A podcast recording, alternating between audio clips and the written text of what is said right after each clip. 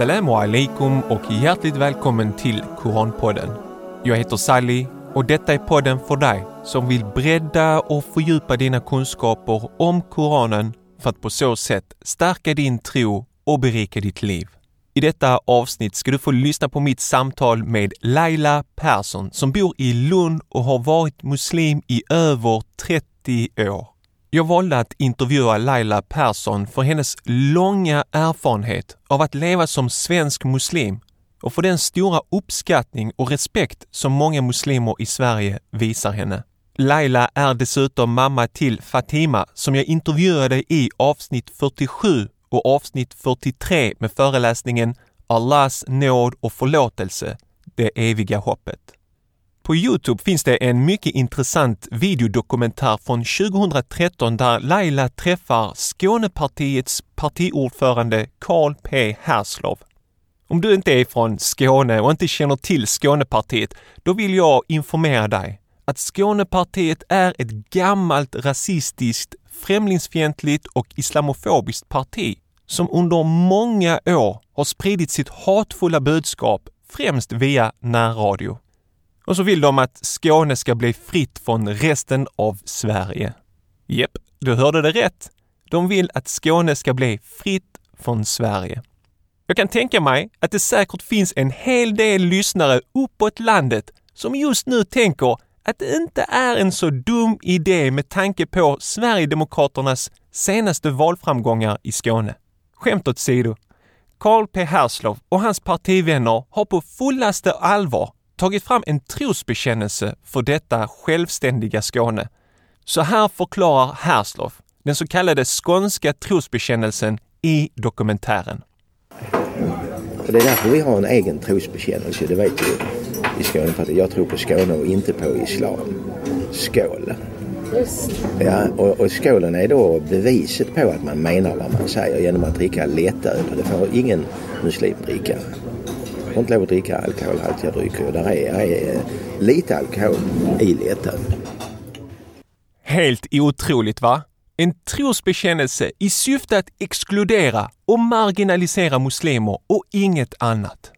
Herslov har fullständigt felaktiga uppfattningar om islam. Ett tydligt exempel är att muslimska män enligt islam inte ska släppa fram kvinnor vid dörren. Var han har fått det ifrån har jag ingen aning. Men så här säger han när han släpper in Laila vid dörren till huset där de ska träffas för en intervju. Att vi ska kunna träffas där uppe. Ja, jag är jättenyfiken på det här. Ja, Välkommen. Tackar. ja nu bryter jag mot islams regler redan. Varför det? Men det, det är vår regel att släppa damerna först. Det är väl en bra idé? Ja, ja. Därför är det inte så konstigt att Jan Järpe, professor emeritus i islamologi, beskriver Skånepartiet på följande sätt i sin bok Tusen och en natt och 11 september. Jag läser ur sidan 115. Liksom annat av detta Skånepartis verksamhet är det fråga om spekulation i människors okunnighet och rädsla för det okända. Man utgår ifrån att andra är lika okunniga som en själv. Slutcitat. Vidare skriver Jan Järpe på sidan 114. Det finns i södra Sverige en egendomlig organisation driven av några virrpannor som betecknar sig som Skånepartiet och som till och med har viss representation i landsting och kommuner. Partiledaren har bland annat sökt ryktbarhet genom en kampanj i Malmö för att försöka få igenom ett kommunalt förbud mot den muslimska slöjan. Med det avser han den huvudduk som en del muslimska kvinnor har och som täcker håret. Han är tydligen helt omedveten om att liknande huvuddukar faktiskt ingår i gamla skånska allmogedräkter. De täcker lika mycket, eller mer, än den hijab som man ibland kan se i stadsdelen Rosengård och annorstädes. Och som nu, så sakteliga, håller på att utvecklas till ett mode, la hijab check, även utanför mer islamistiska kretsar. Slutcitat. Det är ett spännande samtal mellan Laila och Herslov. Samtidigt så medger jag att Herslov ger ett intryck av att vara en gentleman.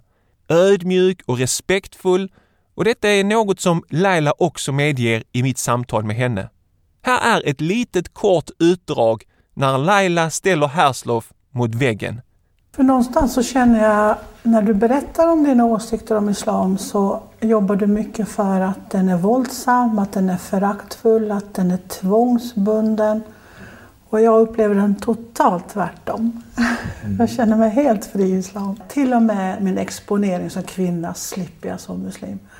Alltså det är så mycket gott som har kommit med islam för mig så att jag vet inte vad du är rädd för egentligen. Tillbaks till mitt samtal med Laila. Det var ett samtal där jag lärde mig väldigt mycket. Laila har en unik kontakt med sina innersta känslor och har en andlig blick som få andra jag har mött. Världen och naturen runt omkring henne är liksom besjälad och inte livlös. Saker och ting har ett inre värde hos Laila och det är något som jag uppskattar. Jag låter Herslov få de sista orden innan samtalet och han får introducera syster Laila. I slutet på dokumentären säger Herslov nämligen följande om Laila. Ja, hon var mycket vänlig och eh, öppen och så. Och trevlig och intressant. Då vill jag välkomna Laila till eh, Korn och kaffe. Välkommen! Tack så jättemycket Saleh. Ja, det är faktiskt eh, en ära för mig att eh, få göra den här intervjun med dig. För att du bär på, ska vi säga 31 år, eller 30 års erfarenhet av att vara muslim i Sverige. Faktiskt, ja. det är det. Mm. Och du är revertit, eller konvertit till islam. Ja. Och eh, jag skulle vilja att du presenterar dig själv för våra lyssnare. Berätta lite grann om dig själv. Du, då skulle jag vilja sätta mig på en stubbe i skogen faktiskt. Och eh, smeka någon liten sten med lite mossa på och säga varsågod kom och sitt, det här är mitt liv. Mm.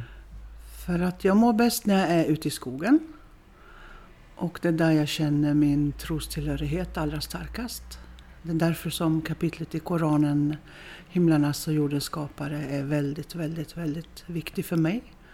För jag tycker att det innefattar hela ens liv som muslim. Jag är en öppensinnig, glad, godhjärtad människa som försöker göra gott. Mm. Har jag alltid gjort sedan jag var liten och så är jag uppfostrad också. Mm. Är du uppväxt ute i skogen eller är det dit du brukade... Ja, jag är uppväxt ute i skogen på landet. Mm. Mm. Halvåret på fäboden och halvåret in i byn. Mm. Mm. Vad heter det? Jag, jag lyssnade på din intervju med Kandari. Eh, och där berättar du någonting intressant som jag fastnade för. Och det är att du kommer från en kristen familj. Djupt mm. troende tror jag till och med du uttryckte det som. Ja, det är farmor som är väldigt, var väldigt djupt troende. Mm. Det är nog hon som har visat mig vägen till hur man ska bete sig inför Gud. Mm. Och tagit med mig på allting. Och, och min mormor var pingstvän. Så när jag var hos henne på somrarna så var det ju hennes cykelturer till tältet och jag. Ja, just det. Som hade varandra. Ja. Och där Vilket sjöngs jag... det mest om, om Gud. Eh, pratades mm. inte så mycket. Mm. Men farmor var engagerad i byns samfällighet omkring eh, Gud. Mm. Och det mm. var ju syföreningar, alla möjliga högtider, mm. festerna i bystugan. De fanns där alltid, mm. de här tanterna. Och nu är de flesta borta. De är cirka 90-95-100 år. Mm. Så jag hade äran att få vara med i syföreningen ända till jag flyttade därifrån. Då var min dotter sex år. 96 var det. Mm. Och de syföreningsmötena, det var en utbildning i kulturell och tradition och skratt och skoj. Som jag tror aldrig någonsin att man får vara med om igen. Aldrig. I, i, den här intervjun så berättar du liksom om din farmor, att, att hon var eh, djupt troende kristen. Mm. Eh, och jag var liksom, jag vill veta mer. Vad var det för någonting hon lärde dig? Vad var det för någonting hon ingöt i dig om, om Gud? Eller vad var det för något, vad var det som hon liksom förmedlade till dig om den kristna tron? Det är lätt att beskriva. Mm. Tystnad. Tystnad inför, som nu när vi sitter här och väntar skymning, som farmor sa. Då störde ingen farmor. Alltså man hade sån respekt för när hon satte fram stolen framför fönstret som vette ut mot Västerdalälven. Satte sig tyst och stilla, bad sin bön och väntade in skymningen. Mm. Alltså man smög bakom ryggen på henne. I sovrummet satt hon alltid. Hur länge satt hon så? Tills stolen hade gått ner. Mm. Mm. Hon gav sig tid. Ute i skogen likadant. Hon eh, ansåg också att eh, det vi har fått till oss, det är att arbeta och ta hand om det som Gud har skapat. Så att hon kunde fösa korna ut i skogen. Samtidigt som hon hade två nystan i förklädesfickorna. Mm. Så vi stickade hon på vägen, på kostigen. fanns alltid något att göra i respekt till vad alla har skapat till oss. Och hennes tysthet i det hon gjorde, med den ödmjukheten hon visade mig. Hon hade aldrig pekfingrarna uppe på något sätt och dömde. Aldrig. Utan hon var sig själv. Så som farmor gjorde så skulle man göra. Mm. Det var därför jag gick ur kyrkan så snabbt. Som när jag var 19 år. För att jag kände mig inte hemma där överhuvudtaget. Mm. Det var mycket predikan och fördömanden och negativa känslor och så. Och, och mormor tillhörde pingstkyrkan. Det är väl Ja. mer sång och hej och hopp? Det var sång och det hej och hopp. tvärt emot den här tystnaden Ja, i pingstkyrkan. ja. Men då var skillnaden den att jag såg inte mormors eh, trostillhörighet så som jag gjorde hos farmor. Mm. Hon gick på sina möten. Jag tror det var väldigt, väldigt socialt. Mm. De bodde också i en by Mm. utanför Kristinehamn i Värmland. Och där träffades man, där bytte man eh, kakor och där fika man hade mysigt och det var på ett helt annorlunda sätt. Det var inte en livsnära eh, relation med Gud som farmor hade. Mm. Nej, hon är nog den som har betytt mest av allt för mig i respekten för hur man ska förhålla sig till Allah. Och fortfarande gör. Mm. För i intervjun så säger du att du gav inte bara... Du bröt inte helt och hållet med den kristna tron utan islam var liksom en fullkomnande, eller Ja, ja, ja, fullbordan. absolut. absolut. Vi pratar ofta, alltså människor tänker så att de bytte religion. Mm. Men på något sätt Nej, ser du nej. det som en... Kan Jag du såg förklara hur du en, tänker på det? en förlängning därför att för det första så har jag aldrig trott på treenigheten. Det har inte gått in i mig Trodde att man farmor skulle... på det? Var det viktigt för Det henne? fråga hann jag aldrig prata med henne om för jag Mm. var bara 19 år när hon dog och jag har verkligen ångrat mig att jag inte fick tillfälle att sitta och prata med henne om detta. Mm. Verkligen. Och jag tror heller inte att eh, på det sättet man är uppfostrad i en by med en kristen tillhörighet finns det inte utrymme för andra trostillhörigheter. Nej. Så ska det vara bara, och så är det. Så man ifrågasätter inte. Men det Men var- redan som litet barn ifrågasatte jag många saker som jag såg vuxna göra. Mm. Men farmor gjorde inte det. Mm. Hon befattade sig aldrig med hembränt till exempel. Mm. De brände ju alkohol så det bara visslade om det i stugorna. Mm. Aldrig att hon accepterade detta och drack aldrig någonsin. Wow. Hon tog oss alltid på barnens eh, möten. Där det var barn, barnverksamhet i söndagsskolan och så. Såg till att vi var där. Mm. Så kyrkogården blev min lekplats. Mm. För den var mitt emot vårt hus. Mm. Alltså hon gjorde vårt eh, boende till en väldigt fin atmosfär. Bäcken, kyrkogården, skolgården var också bredvid. Och så vårat, eh, våran trädgård med fähuset. Jag levde i en väldigt trång och liten värld. Men samtidigt otroligt stor. Mm. Alltså var du än hamnar någonstans så hamnar jag där. Mm. När jag ska ta beslut. Jag hamnar där. Går, tillbaka, går tillbaka till dina rötter kan man väl säga? Ja, det eller? gör jag ju definitivt. Och jag vill förmedla det till mina barn och har gjort alltid också. Mm. För jag såg det på Facebook. Du var med din dotter ute någonstans och lärde er baka bröd och Ja, vi på bakade potatisbröd med en av tanterna i syföreningen som Ja. fortfarande lever. Ja, precis. Och det var en underbar upplevelse att få dela en hel vecka och en hel dag med henne. Det är en, en kvinna som är väldigt gammal och det är gamla traditioner och sedvänjor och så. Och sen tänkte jag, hur bemöts du där när du kommer som muslim och slöja och din dotter och så? Hur, hur... Alltså på något sätt så är jag väldigt tacksam för den klantiga framfusigheten som många har då. Mm. Hur ser du ut egentligen? Men så där kan man väl inte se ut? Varför ser du ut så där? Mm. Eh, Jag hade en gång eh, henna i håret en sommardag. Jag tänkte jag ska sätta gubbarna på plats. För att de sitter ju alltid utanför posten. Okej. Så jag snörde in mig i folie. Ett jättepaket av folie, aluminiumfolie. Ja. Och så åkte jag till affären och handlade. Och De måste ha det, stirrat på dig och tänkt... det räcker inte. Ja. Det räcker inte. Men när man gör sådana här grejer så får man jättekontakt. ja, just det. För det, det är liksom, jag älskar att förvirra människor Sally, till den grad att de tappar bort sig själva. Mm. Att de, oj, vart tog jag vägen? Vad jag ska nu göra? Nu vet jag inte hur jag ska bete mig. För då öppnas alla sinnen. Mm. Och då har du stor chans att påverka. Och också få utrymme för att berätta om dig själv och vad du tänker.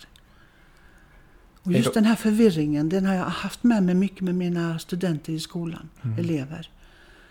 Alla har så många måsten som jag måste vara på ett eller annat sätt. Men när du klär av dem undan för undan, då tränger det in på ett annat sätt. Därför brukar jag börja fråga mina föräldrar.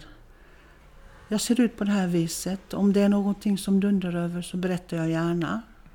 För att annars tror jag inte att du lyssnar kanske på vad jag vill säga dig. Och där har du genast en öppning till en diskussion. Mm. Genast. Och jag älskar det här outtalade. Du ser och du känner en människas utstrålning på blick och kroppsförhållning och så. Och att ta sig igenom det och skiljas med ett leende, det är mitt mål med varenda möte jag har. Mm. Skiljs vi inte åt med ett leende eller på något sätt en positiv känsla, då har jag, känner jag misslyckats på något vis. Så du möter islam, eller du möter muslimer. Mm. Vad, vad är det som du fascineras över? Vad är det som gör att du väljer att bli muslim? Kärleken alltså. Och Mm. givmildheten. Och att man känner sig så betydelsefull. Jag hamnade ju i Umeås största flyktingmottagning då, 86, 87, 88, 89. Det var människor från Eritrea, Iran, Somalia, Chile. Och den somaliska gruppen eh, tog hand om mig som ett nyfött barn. Alltså jag bara flöt omkring och njöt. Jag trodde inte det var sant att man kunde umgås på det sätt man gjorde. Att det var sant att ungdomar i 14, 15, 16 års åldern frågade vill du komma hem och hälsa på mig? Då var jag ju ung. 36, 34, 35. Men för mig kändes det som att jag var en äldre tant mot dem. Men de respekterade mig så otroligt mycket. Jag undrade varför får jag sån respekt? Mm. Varför känner man inte det? Och varför går de inte ut på fredagen? Varför dricker de inte? Varför har de det så himla fint hemma och rent och snyggt?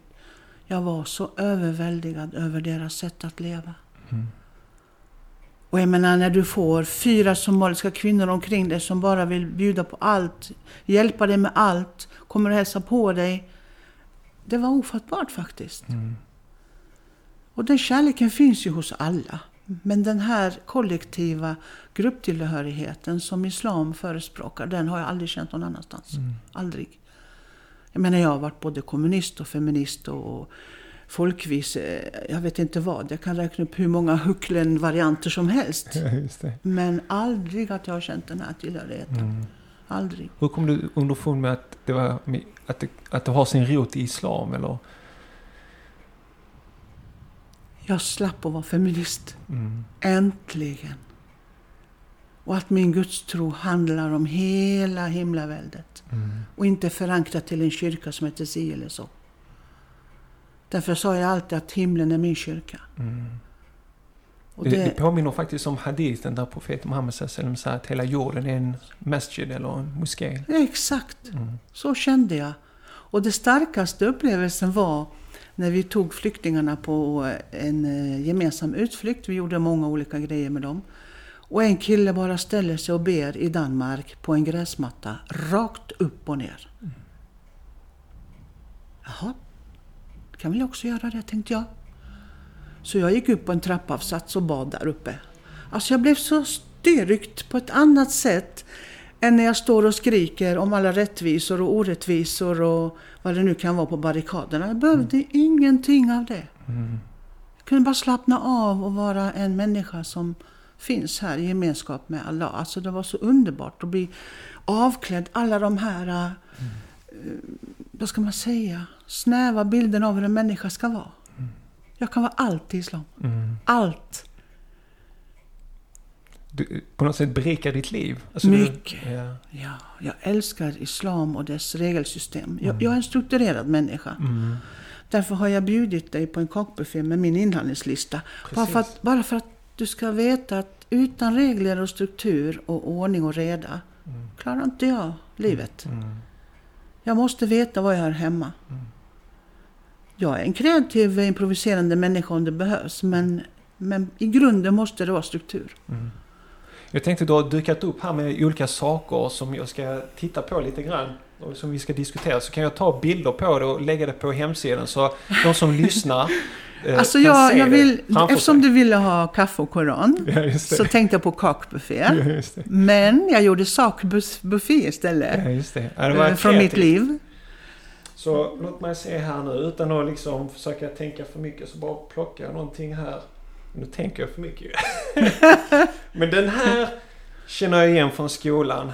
Ehm, är det kulram? Ah, Ja, som man mycket gammal, den är nästan hundra år. Jag ser det. Ja. Det står här räknespelet och så kulorna. Mm. Och allting är äkta trä. Ja, För att när jag var liten så så eh, hjälpte vi alltid småskolefröken, som det hette då. Mm. Eh, vi var så nära med henne, för det var alltid ogifta kvinnor som var småskollärarinnor. Okej. Och de bodde på skolan i en lägenhet. Och jag tyckte ju mycket om att hjälpa henne när jag var liten. Och städa och sopa trapporna och hämta ved. Och... Så den här fick jag i present. Och den har ju betytt mycket för mig eftersom många i min släkt är pedagoger och undervisande och lärare och så vidare. Okej. Så på något sätt så eh, den här kulramen den har betytt mycket för mig och påminner mig om att mångfalden i att lära ut och lära är lika många och många fler som på kulorna på ramen. Mm. Intressant. Och vi kan gå in på utbildar du dig till pedagog då eller? Ja. Ja. Du nämnde det också i Canberra. Jag har ju varit en människa som tycker om eh, att möta människor. Så jag ville bli barnmorska. Mm. Det var min absoluta idé. Och därvidlag blev jag barnsköterska och började jobba på BB. Men min lärare kunde inte släppa taget om mig. Hon kom och hälsade på och undrade vad jag gjorde. Mhm. Så hon hade med sig ansökningsblanketter till förskoleseminariet i Norrköping. Okej. Och eftersom min pappa var lärare så frågade jag honom vad är detta? Mm. På den vägen är det. Så jag har förkovrat mig till tre olika yrken på vägens gång. Och de tre yrkena är? Barnsköterska, förskollärare och specialpedagog. Jag ser pedagogiken i det hela men jag ser också närheten till barn Absolut. och un- unga Absolut, människor. absolut. Men jag har ju alltid varit föreningsmänniska Salle, och Mm. använt eh, mitt sätt att eh, formulera mig både i scoutverksamhet och i föreningsliv genom eh, studieförbund. Just det. Och jag är en föreningsmänniska totalt. Alltså det är jag. Genom föreningen eh, så grundlägger man alla de här värdena. Tyvärr har scoutföreningen förlorat sin grundsyn på att Gud ska finnas med. Ja, just det. Men den återuppväckte vi i Muslimska scoutförbundet i Lund, som vi hade under flera år. Så det kändes jättebra. Just det här med föreningsengagemang. Du har också varit engagerad i Lunds muslimska kvinnor. Kvinnoförening, Just det. Kanske till och med varit med och startat eller? Ja, det gjorde vi, jag och några kvinnor. Mm. Varför gjorde ni det? Jag var nyförälskad i islam. jag ville verkligen förmedla allt jag kunde till andra. Och den här samhörigheten som nyinflyttad i Lund, jag kom ju från Umeå då. Och jag gick på deras föreläsningar och smög mig in och satte mig på golvet och lyssnade. Och eh, där fanns ju många duktiga föreläsare som än idag är duktiga och som har betytt jättemycket för mig och min eh, uppfostran i islam. Vi hade nu bara återträffar här. Jag har ju de flesta kvar efter 28, 25, 23 år. Men kvinnoföreningen var aktiv i 23 år. Mm. Sen orkade jag tyvärr inte fortsätta med den på Mm. grund av att alla ville att jag skulle göra någonting annat Mm. med mitt liv. Så den är nedlagd tyvärr. Mm. Jag hade gärna önskat att den återuppväcktes som någon frisk. Vad var det som gjorde att du åkte, flyttade från Umeå ner till Lund? Typiska männen. Ja, giftermål eller? Nej, eh, min före detta man skulle studera på Ja, universitetet. det. Och tack och lov för det. Mm. Och du trivs i Lund och Ja, jag om- älskar Vad är det som är så fint med Skåne. Lund då? Så jag älskar Skåne. Eh, Det är... mm, Du, du smakar på eh, akademins värld. Och du har väldigt nära till naturens värld. Mm. Så du kan få allt. Internationellt också. Mm. Alltså det känns väldigt fint att bo här nere. Man tar sig överallt. Mm. Lättsamt. Sen är jag ju en havsbadare. Mm. Och eh, det var ett av villkoren jag gifte mig med min nuvarande man. Att han ska älska havet. Ja, just det. Och det gjorde han. Ja, skönt. Ska vi Så se, ska... havet har vi kunnat bada i sommar hur mycket som helst så varmt det har Ja. varit. Ja, Mm. precis. Mm. Otroligt fint väder den här sommaren. Vi ska se, ta någonting annat här. Eh, Ta en liten box. Vad glad jag är den? att du lyfter den. Absolut, den är väl använd och Det stängd och öppnad många gånger. du, alltså om jag bara får öppna den här. Här är en jätteviktig liten låda för mig. Det är en liten väska Ja, och det är en sagofigur, Snövit, där i. precis. Och jag tror att jag skulle Sally kunna lägga upp en askbuffé till dig med alla små fina presenter Ja, som jag fått av barn. just. Som har kommit ur barns händer. Laila, det här ska du få. Laila, det här har jag gjort till dig. Just det. Det som jag har fått med mig med det, det är ju att barn har ett annat sätt att värdera vad en present är. Mm. Någonting man gör och ger bort. Och givmildheten, den symboliseras av det här lilla handgjorda blåa paketet som är där med sidenrosetter på. Mm. Islam är så givmild. Alltså, jag har aldrig i mitt liv fått så mycket respons, presenter. Och jag själv också tycker om att ge presenter. Mm. Så det här med barnens givmildhet, det står väldigt mycket för vem jag är också. Mm. Mm. Den Jag finaste presenten jag har fått av ett barn som jag själv uppskattar mycket. Ja. Eh, Jag blev kallad för Lila Persson uppe i Umeå för jag älskar lila. Är lila. Jag fick också ett kuvert från kommunen där det stod Lilla Persson på. Men då stod en liten pojke framför mig med händerna bakom ryggen och så sa han, jag har en present till dig. Mm. Alltså det är ju så spännande varje gång. Då lyfter han fram en glasburk med en lila färg i och säger, den här har jag blandat till dig. Då brast jag. Ja. För det är nog det finaste present jag fått i mitt liv. Och den burken har funnits med mig under hela min livstid. Det var 1978. Wow. Den färgen har jag hållit liv i genom att fylla på vatten hela tiden. Sen har varje elev som jag har haft, innan de lämnar mig, fått blandat en färg till mig som de tycker om. Så nu när jag slutade som pensionär i skolan så plockade jag ihop ett helt fönster fullt med flaskor av färg. Och där står barnen och skakar och tittar. Och det är som en regnbåge. Och alla de samtalen som man kan ha bara av att stå och skaka på en färg. Ja, just det. Det är fantastiskt och den, den känslan vill jag förmedla. Varför sträva efter någonting stort och lyxigt när man kan göra så himla fint av något litet? Mm. Så den pojken har verkligen satt ner foten för hur man kan nå fram. Mm. Jag har ju en del frågor också som har kommit in via Facebook. Jag tänkte komma till dem alldeles strax, men jag tänkte att jag tar något litet till här från... ehm, Innan, medan du tänker på det ja. ska jag passa på att berätta för dig att du ser mitt skåp som lyser här. Mm. Det är mitt påminnelseskåp. Mm. Där sätter jag allting som jag absolut inte får glömma bort. Okej. Och som påminner mig om vem jag är och vem jag har mött och så. Mm. Så den här lilla asken, den är faktiskt till dig Salle.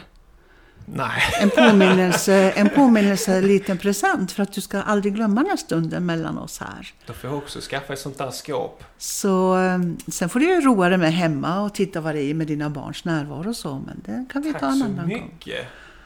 Och jag tror det här var något som, som du hade som minne, men du har förberett Nej, den är skapad till dig faktiskt. Och eftersom jag älskar glitter och jag älskar att återreproducera och återvinna allting så är Mm. nästan allt jag gör av återvunnet material. Häftigt. Så det är ett minne ifrån idag. Stort tack! Varsågod. Vilken överraskning, Så litet. Men då, då tar vi någonting här och då är det de här som jag tar utan att fundera för mycket. Mm, Jag tycker det är bra att du gör det. Ja, det är det. ifrån eh, sameslöjd i Kiruna. Mm. Där jag hade äran att få åka på fortbildning och besöka Samiska skolan. Och de här står för mig för mångfalden och den hantverkstradition jag är uppväxt med. Jag älskar alla former av hantverk. Alltså jag fascineras av det minsta lilla. De är jättevackra. Och eh, det är också sådana saker som jag bär med mig för att påminna mig om att världen är så stor och vi är så små. Mm. Och att allt som görs har någon historia bakom. Jag är väldigt eh, försiktig när jag träffar människor innan jag ens vet vad de har med sig i bagaget. Jag hade en fantastisk pappa i skolan som var tyst, innesluten. Sa aldrig mycket på våra möten om sitt barn. Och sen plötsligt en dag så såg jag honom i bilen. Så jag tutade och stannade och hälsade. Och jag sa, vart är du på väg? Då sa han, jag är på väg till min verkstad. Oj, vad gör du där? Jo, jag tillverkar eh, en form av gitarrer med en sån här bullig mage. Ja. Som har 12, 15, 20 strängar. Det är hantverk på hög nivå. Oj, sa jag. Är det det du gör och det du kan? Ja, det har jag jobbat med hela mitt liv. Jag menar, det småpratet ledde till att Mm. det kommer att bli en förevisning i skolan, Mm. i klassen, där han presenterar detta Ja, det. och spelar upp på detta. Så jag menar, titta. Du når kanske inte fram första gången, men du kanske hittar något att nå fram andra gången. Ja, precis. Man ska inte döma.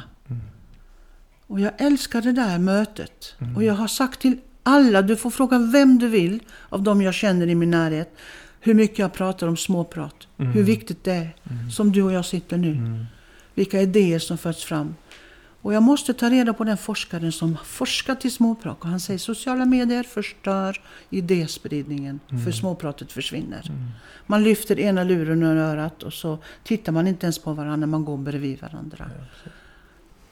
Alltså jag, jag tänker på det, jag jobbar ju i, i skolan och eh, ibland när jag har avslutat en lektion så går jag igenom hallen liksom och där eleverna sitter och väntar på nästa lektion. Just det. Och det är, jag har slått flera gånger när jag bara tittar på dem allihopa att alla sitter vid sina telefoner. Mm.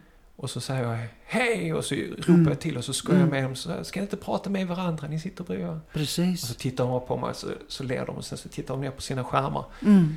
Jag vet inte, jag vill inte döma det heller. Det är kanske är deras ungdomarnas sätt att kommunicera idag men eh, Alltså det är helt okej och- att göra det, men det måste finnas annat också. Ja, precis. Absolut. Det är när det liksom tar över på något sätt. Mm. Vi ska se, jag, jag vill också vara snäll mot eh, eh, de som skickade frågor via Facebook. Eh, Jannica eh, skrev så här. Fråga henne allt. Allt med stora bokstäver. Gör en flera timmars podd med henne. Eh, och då hoppas jag inshallah att jag kan åter... eh, Kanske inte flera timmar just nu, men att vi kan träffas flera gånger och ha samtal, småprat. Men hon ställer frågan här. Hur har du gått tillväga för att stärka din tro när du har känt dig svag? Den konfrontationen tror jag man måste utsätta sig för, för att bli stark. Jag tror absolut inte att man ska undanhålla sig det. Eh, jag har nog i stort sett under hela min livstid som muslim varit utsatt någon gång varje vecka. Under hela året, alla år, i alla tider. Min metod har ju inte varit att bli arg. Det har ju aldrig gått. Men däremot kräver jag att bli respekterad. Jag hör vad du säger. Kan vi börja med att presentera oss för varandra? Jag heter Laila, vad heter du? Mm, tveksamt att de presenterar sig. Eh, De som är riktigt trilska brukar säga att jag vill gärna inte ta reda på vem det är på andra vägar. För du har kränkt mig så mycket att jag kan inte skiljas från dig med detta med mig. Så jag har följt efter folk till deras bilar, tagit deras bilnummer. Och de springer som hundar och är så rädda att det ska komma något i brevlådan så småningom. Och den mhm, känslan är inte kul. Men jag visar dem att jag ger mig inte. Du Jag vill har bli respekterad alltså, som Absolut, människa. Mm. absolut. Och det stärker en att våga. Men där tror jag att jag har min historia i att jag har vågat gå på barrikaderna när jag var ung. Jag menar, det var något speciellt att hålla Olof Palme i handen, Sale. Det Eh, kan, jag, i- again? det kan jag inte glömma. Nu, nu, här, nu, nu släpper du ut eh, någonting här stort från bock. Precis. Olof Palme i handen. Ja, demonstration. Så att Var var det någonstans? det var i Norrköping. Norrköping. Och då var han där. Mm. Och hur lyckades du ko- komma honom så nära? Var han statsminister eller var han bara ordförande för säsong? nu, nu, nu kommer vi in på grejer som jag inte kommer ihåg riktigt. Nej, det var han inte. Nej. Det var han inte. Det var han inte. Mm. Men hur kom du honom så nära och kunde hålla hans hand? Vi gick eh, som samlad trupp Mm. runt omkring honom och sjöng gospels. För vi var på väg till en kyrka Aha. där en föreläsare från Afrika skulle ha föreläsning. Ja, Och han var inbjuden att vara där. just det. Jag menar, man blir lite tuff om man vågar vara tuff också. Men vad pratar vi om? 60-talet? Just Eller? det. 60 Eh. eller 70 eller 80-talet? Nej, det måste ha varit 70. Ja, 70 någonting. Ja. Jag har alltid sagt till Fatima, ta inte emot smuts. Mm. Och när Mustafa blev äldre, samma sak. Du måste visa att du tar inte emot smuts och förnedring. Så det är många gånger jag har mött till exempel äldre människor som har varit ute med sina barnbarn. Mm. Och de har sagt dumma saker till oss. Mm. Och då har jag sagt, kan du släppa vagnen en liten stund? Jag vill gärna säga någonting till dig som inte vill att ditt barnbarn ska höra. Men borde du inte veta hut? Mm. Har jag sagt. Du är den generationen där du lärde dig vet hut. Fy skäms. Och de blir helt tysta. Mm. De vet innerst inne att det, de gör är fel. Eller hur? Eller hur? Det, det som jag lyssnade också på, eh, vi kommer in på något annat här nu också. Eh, intervjun med Handari. Så sa du någonting intressant när du diskuterade med Fatima. Fatima, jag tror det var hon som sa där i intervjun att mamma har alltid lärt oss att vi är annorlunda.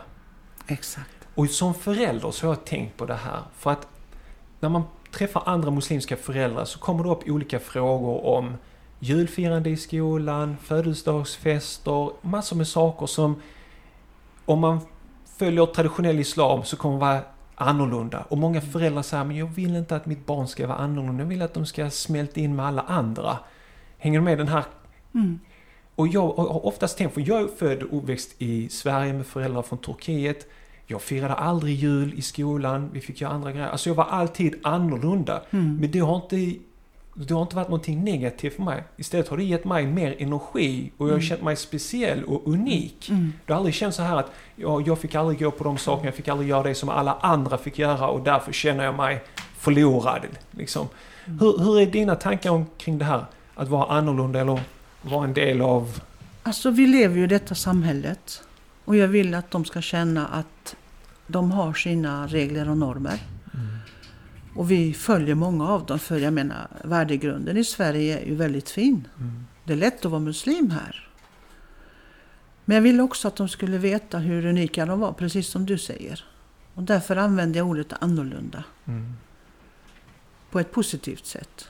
Men jag har aldrig velat hålla undan dem från allt det andra. För jag vill att de ska studsa emot som ett flipperspel, du vet. Mm. Kulan ska hamna rätt. Ja, Du det. ska veta vilken väg du ska gå. Mm. Men du ska ta alla törnar. Ja. Och varför du gör det ska du också veta. Mm. Så jag har tyckt om att utsätta barnen för ifrågasättande. Mm. Jag har hållit Mustafa i handen och tagit honom utanför skolan och varför är du inte där inne på Mm. diskot när alla andra är det och så vidare. Jag vill att de ska känna ett mo- motiverat varför. Och vad är det? Smaka på det så du vet vad det handlar om. Jag menar, vad är det för fel att gå till kyrkan? Mm. Om man vet vem man är. Ja, precis. Det är väl den vackraste plats på jorden vi har här att gå till kyrkan. Mm. Om inte vi har någon moské. Med allt vad det innebär. Mm. Jag har alltid tyckt om att vända allting till en form av diakoni om du förstår vad jag Mm. menar. Vi är alla under samma hand. Mm. Samma Guds hand. Men vi har olika sätt att tillämpa det på. Men respektera varandra. Mm. Inte om du blir kränkt, aldrig i livet. Men man ska respektera varandra.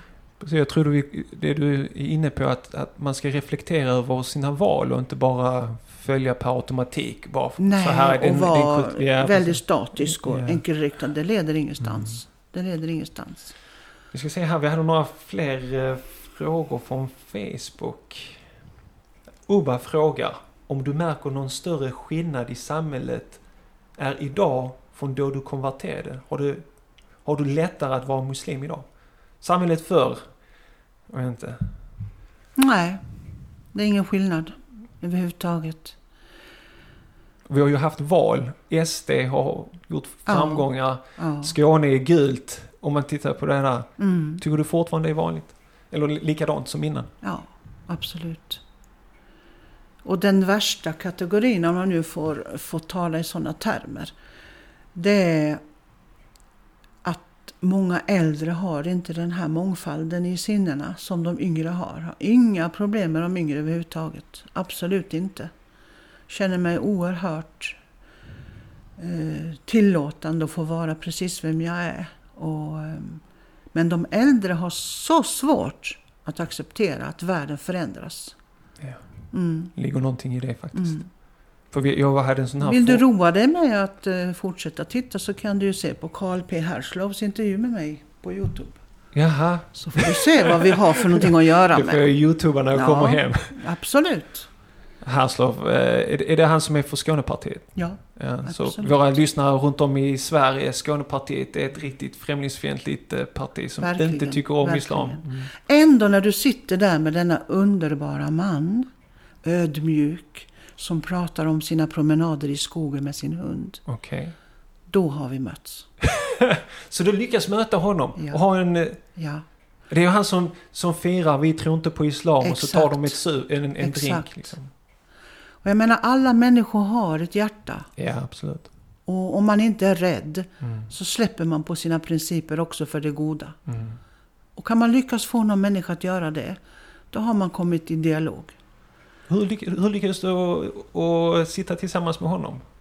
Jag, frå- ja, ja, jag blev tillfrågad av en regissör Okej. som heter Clara Levin som gör fantastiska reportage och filmer. Om jag ville ställa upp på en kaffestund. Fascinerande. Jag får gå in och kolla på det. För jag kommer ihåg när jag var ung liksom. Han körde sin radiokanal och man, Mm. vet, man sit- på den tiden fanns ju liksom inte internet. Så satt man på radion så helt plötsligt lyssnade man på honom när han liksom raljerade om invandrare och speciellt Mm. då med muslimer och sånt. Man, man var ganska sårad och så. Det mest fascinerande som han sa Mm. under ett pass i intervjun, så sa han så här. Det gör ingenting om ni tillämpar islam hemma. Mm. Men när ni kommer ut så ska ni vara som alla oss andra. Mm. Så jag sa, lever du i ett hyckleri med dina egna barn och ljuger och håller på att föreställa dig? Ja. Det kan jag inte acceptera, sa jag till honom. Men honom sa jag fy skäms till faktiskt, öppet och ärligt. Okej. För jag gav honom ett halsband och en nyckelband från Pippi Långstrump. Okej. Jag sa, hon var en frisk anarkist. Ja. Men hon var en frisk anarkist i det goda. Mm. Men han var en sjuk anarkist i det onda och det fula. ja, det. Så jag gav honom det bandet för att han skulle påminna sig om att tillämpa eh, Pippi Långstrump Ja, på det sättet som gynnar människor Mm. och inte orättvisor. Mm. Det var väldigt fruktsamt men det var väldigt jobbigt samtal. Ja. Och det ska det ju vara i dialoger. Så är det. Men att inte våga mötas och stå för det goda, det, det, Mm. det måste man. Mm. Absolut. Jag, jag tror vi börjar närma oss slutet här nu, men Khadija skrev via Facebook en, en väldigt, jag tror många nya revertiter och konvertiter tänker. Och, och det som är det unika, du har ju det här perspektivet, vad är det, 30-31 år? Så cirka 30 år. Om jag ska ju vara riktigt tydlig. Ja. 86 började jag med flyktingprojektet. Mm. Då började mitt hjärta svalla. Mm. Så man kan säga att jag var muslim i mitt hjärta och gömde det. Mm. Trots min eh, rakryggade framtoning så gömde jag. För jag var inte beredd att möta den eh, reaktionen. Jag var allmänt känd i Umeå eftersom jag jobbade med projektet. Mm. Vän mötte vän heter det. Men sen när man blir mer starkare och så, så vågade jag gå ut offentligt också. Så att när jag kom till Lund Mm. och träffade en imam Mm. i en moské. Då bara kände jag, nu vill jag offentliggöra att jag är muslim. Och taffligt tog på mig slöjan där utanför med hjälp av två somalier. Det var en underbar upplevelse. Solen sken och de diskuterar, ska den vara si eller så? Hur ska vi sätta den på henne? Ska det sitta så? En vuxen kvinna på 39-40 år. Så att vägen till att offentliggöra som muslim har varit ganska lång. Ja, just det. Ja. Men Khadija har den här frågan. Och när jag födde Fatima, då bestämde jag för nu är jag mamma. Nu måste jag våga visa henne vem jag är. Det avgjorde definitivt att jag skulle offentliggöra det. Hon var tre månader när vi kom hit. Khadija frågar dina tre bästa råd till nya muslimer. Åh nej, det här är så svårt med sånt. Spontant, utan att reflektera för länge. Eh, tro inte på att islam är vad människor säger att det ska vara. Tro heller inte på alla böcker som finns. Utan man måste nog själv sätta sig på en balansbräda. Jag brukar ha en gungbräda. Plus och minusbrädan brukar jag kalla den för. Så alla frågor mina vänner och studenter har gett mig har jag satt mig på gungbrädan. Väger över på plus. Perfekt. Väger upp på minus. Inte tillåtet. Så har jag jobbat. Gå till dig själv, sätt dig på gungbrädan. Var väger det någonstans? Mot plus eller mot minus? Det är islam. Islam är friskt, logiskt, rent. Och hamnar du inte i det, då är det inte islam. Och det tredje rådet. Oj, fanns det inte alla där i? Sa du tre stycken Jag eller? vet är jag som dålig på att räkna? ja, men vi kan nöja oss med det. Det Ja. är helt okej. Eh, sen vet jag att Salim, som jag känner, som också har varit med på Koran och kaffe, han ville att jag skulle fråga dig om din bok som du håller på och skriver och den ligger ju här.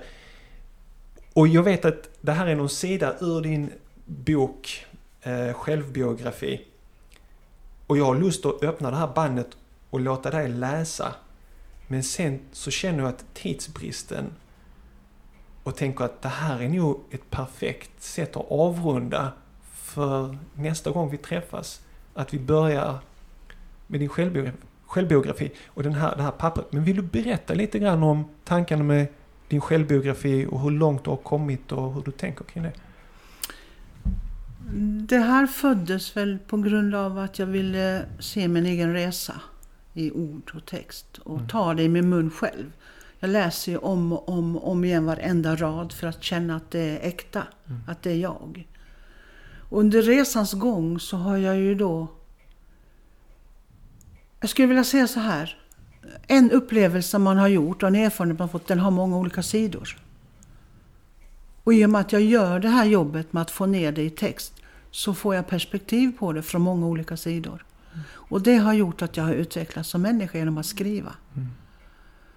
Kärleken till sina föräldrar, kärleken till farmor, kärleken till korna.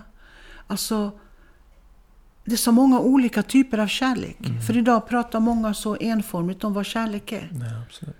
Jag lovar och svär vid Allahs hand att kärlek finns i så många olika sätt och det har jag försökt få ner och beskriva. Se hellre på möjligheterna till att ha lärt dig någonting av det än att hata och döma. Och det här har gjort att jag får tillbaka många kontakter som inte har velat ha med mig att göra på 20 år, 25 år. Folk som har varit mina närmsta, närmsta vänner. Delat tid och rum i otid. Och vänder mig ryggen. Bara för att jag råkade knyta på mig en slöja och se ut så här. Och välja ett avståndstagande från vissa saker i livet. Eh, Den sida jag skulle läsa om handlar om Du din jävla morsa. Hur många gånger har jag fått hört att jag är präktig, gammeldags, dricker inte, röker inte, har aldrig gjort i mitt liv. Du din jävla morsa. Vad är detta för en mening? Ligger det hos dig eller ligger det hos mig? Och man får perspektiv på många olika sätt genom att ifrågasätta vad innehåller det här som kommer fram. Om ingen finner nöje att läsa, om det någonsin kommer ut, det vet jag inte. Men jag finner nöje i att läsa hur min resa har sett ut. Och jag har lärt mig jättemycket av det. Ja, jag tycker det är jättevärdefullt för vi, vi speciellt den unga generationen, vi, vi behöver lyssna på det. Vi måste ha perspektiv. För på något sätt är vi historielösa i Sverige. Vi har inte någonting att falla tillbaka i muslimska länder så har man en lång tradition som man kan falla tillbaka och, och hämta visdom ifrån. Men i Sverige har vi inte så många. Eh, och, och, inte böcker eller liksom så här. Så att jag menar, de här intervjuerna är ett sånt sätt mm. att liksom bevara den islam som finns i Sverige, som har funnits ganska länge och få höra på de visdomar som finns. Och för att den nya generationen ska kunna ha någonstans att dricka när de känner sig törstiga. Så att eh, jag tackar jättemycket för den här pratstunden. Och jag hoppas inshallah jag kan komma tillbaka igen inom snar framtid. Och få höra när du läser ur det du har skrivit. Och jag hoppas inshallah att det kommer ut också som, som text, så att, eller som en bok, så att vi kan läsa den. Jag hoppas att göra den färdig nu när jag har blivit pensionär. Inshallah. Det är min dröm i Ja, precis. Någonting att ha vid sidan om. Det är perfekt. Ja. Speciellt för någon som tycker om att göra saker och ting och vara strukturerad. Absolut, så, så. absolut. Ja, mm. Tack så mycket. Må Gud vara nöjd med mig. Amen. tack Saleh. Amen. Tack. Tack för att du lyssnade på detta avsnitt. Jag hoppas du har lärt dig något nytt. Det har jag gjort. Glöm inte att du kan se bilder från mitt samtal med Laila på koranpodden.se 56. Jag har även lagt till länken till dokumentärfilmen med Laila och Herslov. Se gärna den. Har du funderingar, frågor eller vill lämna en kommentar till Laila så gör du det lättast genom att gå in på koranpodden.se 56 och lämna en kommentar längst ner på sidan. Innan jag presenterar nästa veckas avsnitt så vill jag nämna en lyssnarkommentar. Under veckan kom det nämligen en trevlig lyssnarkommentar med en unik önskan via vår Instagram-konto. Kommentaren löd som följer. Lyssnar dagligen på Koranpodden och befarar den dagen jag har lyssnat på allt och kommer behöva vänta en hel vecka till nästa avsnitt. Må Allah belöna dig för ditt arbete bror och som jag skrev tidigare, det vore underbart om du kunde läsa och spela in böcker som ni säljer via Tahara och sälja dem som audioböcker skulle säkerligen uppskattas av många. Slutcitat. Tack för kommentaren. Jag har skrivit ner förslaget om att läsa in min e-bok om profetens liv som en audiobok. Under tiden kan du ladda ner boken via koranpodden.se boken. Beträffande att du måste vänta en hel vecka till nästa avsnitt så ber jag dig se det som en träning i tålamod. Underbart va? Jag vill passa på och tipsa om vår Facebook-sida. På vår Facebook-sida får du förhandsinformation om de olika personer som jag intervjuar. Du kan även ge mig tips på intervjupersoner och frågor som du vill att jag ställer till personerna som jag träffar. På Koranpoddens Facebook-sida lär du även känna andra som har lika stor passion till Koranens budskap så som du själv har. Så gå in på Facebook och sök Koranpodden och gilla vår sida. Nästa veckas avsnitt får du lyssna på när jag tar en promenad i Pildammsparken i Malmö tillsammans med Ibrahim Blicksjö från Uppsala och diskuterar när han var med och korrekturläste den svenska översättningen och tolkningen av Koranen skriven av Mohammed Knut Bernström. Här kommer ett kort smakprov. Han var ödmjuk mm. på sitt sätt. Men sen var det också det här, han visste vem han var. Mm. Inte på ett högmodigt sätt, men alltså som du säger, han hade, om han kom in i ett rum mm. så märktes det att han var där på något sätt. Hans energi och det här, det var något så här... Äh, ja men det var så. Sen sättet han pratade på, det var ju för mig som svensk, alltså mashallah, bara att lyssna på. Det är inte ofta man hör sån niv hög nivå. För han pratar ju som han skrev. Ibrahim och jag delar även våra tankar och erfarenheter av att ha träffat den fantastiska människan, den svenska ambassadören som blev muslim och översatte Koranen till svenska, Mohammed Knut Bernström. Må Gud vara nöjd med honom. Missa inte det avsnittet. Följ oss på Facebook och Instagram för inspirerande och upplyftande korancitat under hela veckan. Vill du komma i kontakt med mig så gör du det lättast genom att mejla mig på hej koranpodden.se. Då återstår det bara för mig att önska dig en härlig vecka. Tack för att du lyssnar på Koranpodden. Vi hörs igen nästa vecka på måndag inshallah. Ta hand om dig. Salamu alaikum wa rahmatullahi wa barakatuh.